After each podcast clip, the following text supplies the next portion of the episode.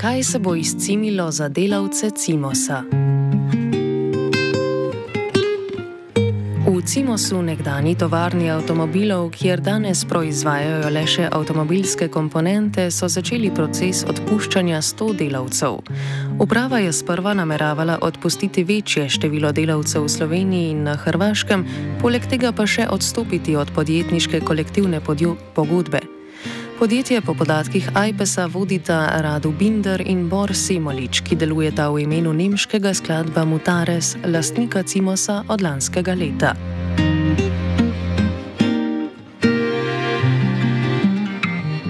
Kaj je v zadnjem mesecu dni storilo vodstvo podjetja, pojasni Sašo Ristič, sekretar sindikata Kovinske in elektroindustrije Slovenije za notransko kraško in obaljno regijo.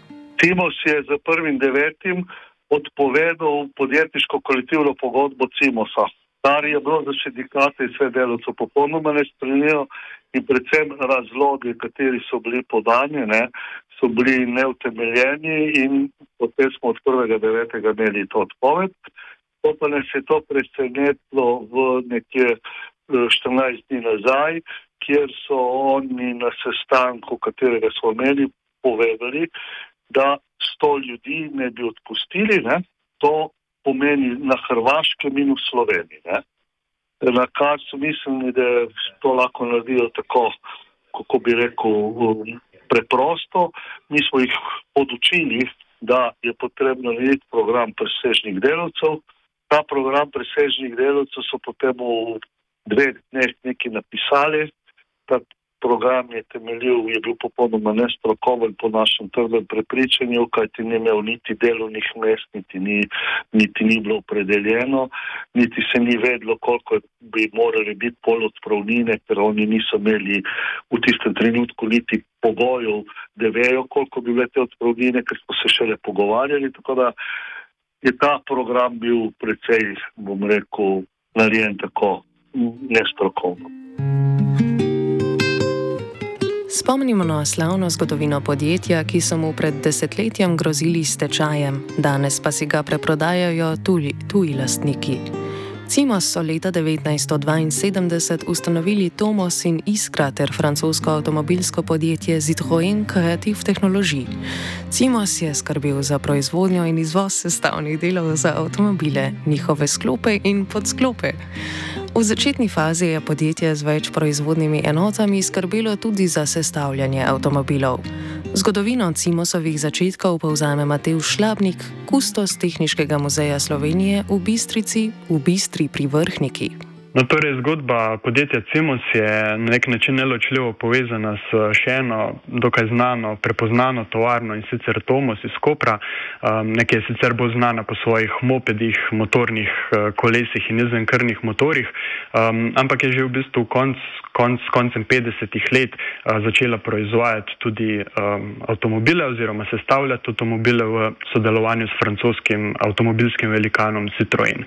Um, ne prva montaža je tako, če gledamo zgodovinsko v Tomosu, nekako po tej pogodbi o sodelovanju s francoskim Citroenom steklo v začetku 60-ih let, um, kjer so v bistvu iz, izdelovali te posamezne izjemno znane modele, ne, kot je recimo Citroen 2CV oziroma po naše bolj, eh, bolj poznan kot Spaček, um, pa kasneje tudi Ami in takrat zelo napredne um, modele DS oziroma uh, Žabe. No in kar je zanimivo, je, da, da se je to sodelovanje med uh, torej Tomosom in pa francoskim matičnim Citroenom uh, tekom 60-ih let uh, precej okrepilo um, in so zato prišli nekako na idejo, ne, da se v začetku 70-ih let, leta 1972, oblikuje neko skupno podjetje, ki že samim imenom ne nakazuje na sodelovanje obeh podjetij, torej CIMOS.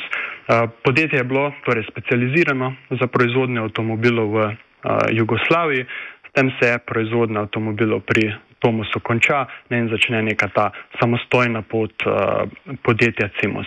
Uh, in tukaj se potem v bistvu sestavlja po torej francoski licenci, nekatere najbolj znane avtomobile, ki so bili v tistem času dostopni širškim ljudskim množicam ne, in tako um, tukaj se stavljajo tudi preomenjenega Spačka oziroma Diano, neki po svoji popularnosti dejansko konkurirajo celo uh, katrci uh, ne francoskega, prav tako proizvajalca Renault, uh, ki jih pa med drugim tudi sestavljajo v, v, v Sloveniji. V 80-ih letih se je podjetje prvič znašlo v težavah in prenehalo s sestavljanjem avtomobilov.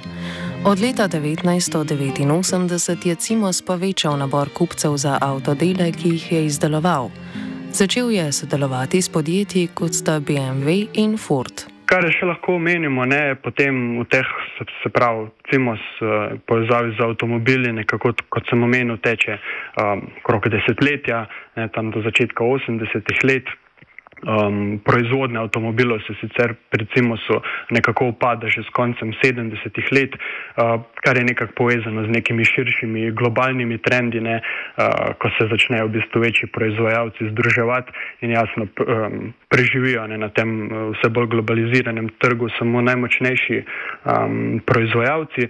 In ta trend je bil seveda opazen tudi v Sloveniji, ne, z manjšimi izjemami se je uh, sestavljanje ali pa proizvodnja celotnih avtomobilov uh, v Sloveniji opuščala in so se potem posamezna podjetja um, nekako koncentrirala na proizvodnjo posameznih uh, avtomobilskih komponent, ne, tako poznamo recimo uh, iskrene električne komponente, karoserije od avtomontaže, gume Sava, početniške prikolice, transportne naprave, svetila uh, in tako naprej, ne, in v proizvodnjo posameznih um, avtomobilskih delov se je takrat usmeril tudi CIMOS, ne, tako da od neke začetka 80-ih let naprej um, ne govorimo več o neki celostni uh, proizvodnji avtomobilov v sklopu uh, CIMOS-a.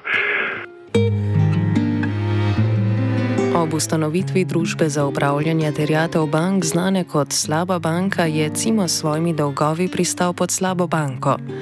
Leta 2014 ga je ta skupaj z upniki, ki jim je Cimo zdolgoval, dolgoval stotine milijonov evrov, poslala v prisilno poravnavo. Leta 2016 je italijanski sklad Palladio Financiarja s slabo banko podpisal pogodbo o nakupu 92-odstotnega deleža in za podjetje odštel 100 tisoč evrov. Poleg tega se je sklad zavezal k poplačilu dolgov. Lani pa so Cimos od Italijanov kupili Nemci. Za nerazkrito kupnino je podjetje prevzel nemški sklad Mutares. Nemška delniška družba je znana po politiki prevzemanja srednje velikih evropskih podjetij, ki kažejo potencial poslovanja, po stabilizaciji njihovega poslovanja pa jih preproda naprej.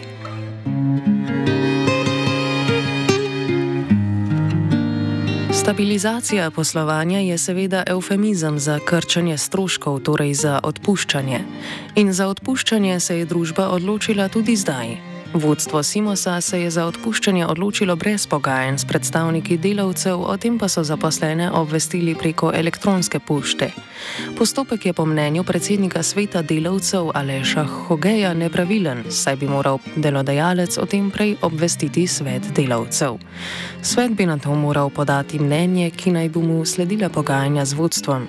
Zakaj je celoten postopek odpuščanja neustrezen, pojasni Ristič. Veli ta sestanek, v Senožečah, ne, to 14 dni v petek, v katerem moram vam povedati, da sem sodeloval že marsikaj takega, še nisem videl. To je bilo mučno. Prvo mučno je bilo zato, ker oni ne razumejo, kaj je obveščanje, kaj je seznanjenje sveta delavcev. Prej so povedali, kako mora biti ta program in mi smo imeli pred preden se to štartalo, morali rešiti sploh problem odpovedi podjetniške kolektivne pogodbe, kar smo tudi naredili po velikih mukah, s tem, da oni so želeli odpuščati v dveh pravnih osebah, ta aneks so podali za eno pravno osebo, prav tako so podali program presežnih delovcev samo za eno pravno osebo, to pomeni za CIMOS, niso pa podali za CIMOS invalidsko podjetje. In velik problem je bil, ker je bil tam prisoten tudi Nemc, da so mu pač prevajali in mu dopovedovali, glede na njihovo strokovnost v navednicah, kaj sploh so obveze v Sloveniji. Vodstvo Simosa je sprva predstavilo program presežnih delavcev. V skladu z zakonom o delovnih razmerjih mora ta vsebovati razloge za prenehanje potrebe po delu delavcev, ukrepe za preprečitev oziroma omejitev prenehanja delovnega razmerja delavcev, seznam presežnih delavcev in ukrepe za omilitev škodljivih posledic prenehanja delovnega razmerja, kar je doseženo naprimer z odpravnino.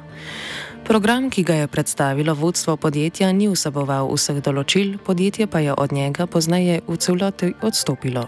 Mi smo pač ta program šli skozi, štiri ure smo bili tam, na kar pridejo oni, na zadnjem sestanku, trikrat so prosili za prekinitev, da so se oni sestali, da so se pogajali po štirih urah, oni pridejo in, in uh, povejo, da priklicujejo program presežnih delavcev. Mi smo bili malo presenečeni, moram reči, da tudi vsi prisotni novinari, ki so bili tam, kako mislite, prikličajo, da oni zdaj odstopajo iz, od tega programa presežnih delavcev in da bodo poskušali se iti individualno spuščati. Na kar mi povemo, da pač učenje pa razlika, ne?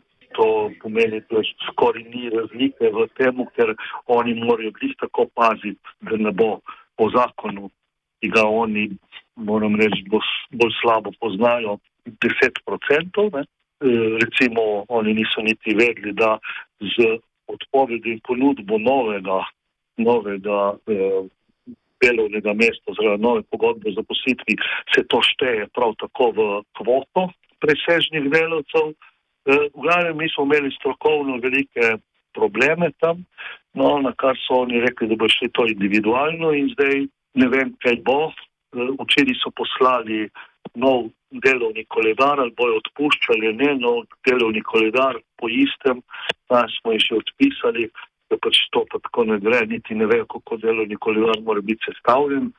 V tem delovnem koledarju, ki smo ga danes dobili 29 dni kolektivnega dopusta, to je nekaj neverjetnega, kar sploh ne more biti. Ne? In tako dalje. Tako da jaz se sprašujem na njihovo strokovno sposobnost. V upravi Cimosa so se na to odločili za individualno odpuščanje zaposlenih. V tem primeru lahko odpustijo manj kot 10 odstotkov delavcev, v nasprotnem primeru bi morali pripraviti program presežnih delavcev. Od skupno 540 zaposlenih v Kopru, Senožečah in Vuzenici vodstvo podjetja predvideva odpustitev 40 režijskih delavcev. Poleg tega želijo odpustiti 60 delavcev na Hrvaškem. Za katere delavce gre, pojasni Ristič. Lejte, oni so šli v program, kar je njihova dolžnost, ker je bilo več kot 10% pač jih. Ne? V Sloveniji je to zajemalo cirka tam okoli 40 ljudi, ne? ostalo na Hrvaškem. Čeprav na Hrvaškem ne, je po naših informacijah sindikatov hrvaških, pomeni 40 in tam jih je bilo čez 70. To pomeni, da niti to niso prav povedali, da je 100 ljudi, ker če 40 pošteje 70, ni je več kot 100. To niso proizvodni delovci. To je bilo mišljeno ljudi, kateri so z, bom rekel, niso, niso neposredno v proizvodnji uvedeni.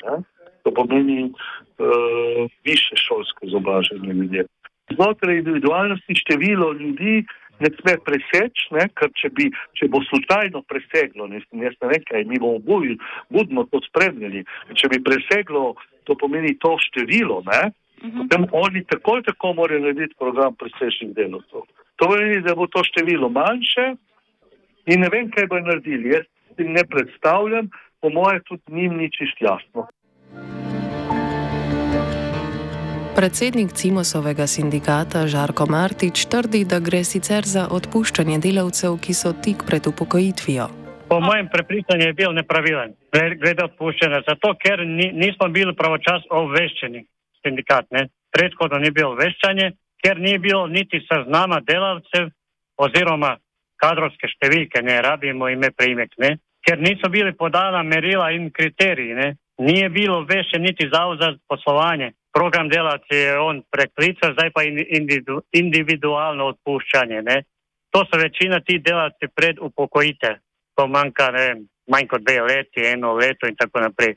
Do zdaj zbrani podatki, koliko ima informacije, tih je nekako približno deset delavcev. To recimo se nožeče, Timos Maribor, Vuzenica in Koper. Ne? Vodstvo podjetja je želelo odstopiti tudi od podjetniške kolektivne pogodbe in se s tem izogniti rednemu usklajevanju plač. Po pogajanjih sta obi strani dosegli dogovor, da bo vodstvo predstavilo nov predlog z možnostjo zamrznitve usklajevanja za določen čas. Dogovor o zamrznitvi plač komentira tudi Martič. To pod podjetniške kolektivne pogodbe bi pomenilo krčenje že pridobljenih pravic. To zlako gre znižanje dopustov, raznih dodatkov, ne, potem smo dogovorjeno je bilo, da njih je največ mutilo ne avtomatizam, ne, ko je na branži se plača dviga za 5%, s prvim šestim bi mogel tudi delodajalec. Ampak ker je on navedel razloge, da poslovanje in to, da ni denarja, potem smo se zmenili za 7% dvig plač s prvim šestim 2024. Zamrznitev usklajevanja do 31.12.2024. To se pravi, če pride na nivo branže do dviga plač, avtomatizem tudi bi se mogel dvigniti v podjetju, ampak mi smo to zamrznuli. Ne? Potem da delodajalec prekliče podjetniško pogodbo ne? in je preklical. Ristič strne še druge zaplete, ki so jih imeli pri dogovarjanju o kolektivni pogodbi oziroma odstopu Cimosa od nje. Eno od velikih težav, ki smo jih imeli, je bila ta, da so v odpovedi, ko smo se dogovorili podjetniške kolektivne pogodbe, oni želeli, da bi to bilo eno leto, kar smo mi pristali, da bi eno leto se to pač zamrznili dvig. Zdaj ne morem povedati, da ta dvig niso niti vedeli, da ga morajo narediti, ne. so se ga hoteli nekako izogniti. In uh, zadevščina je toliko daleč eskalirala, da pri njihovi ponudbi enega leta ne, smo mi pristali, pol pa smo pač ugotovili, da v Nemčiji obstaja eno leto 13 mesecev. Malo smešno, ampak tako je. V dobrih časih je Cimos v Sloveniji zaposloval prek 7000 delavcev, do danes jih je ostalo 540, a odpuščanjem, kot kaže, ni videti konca.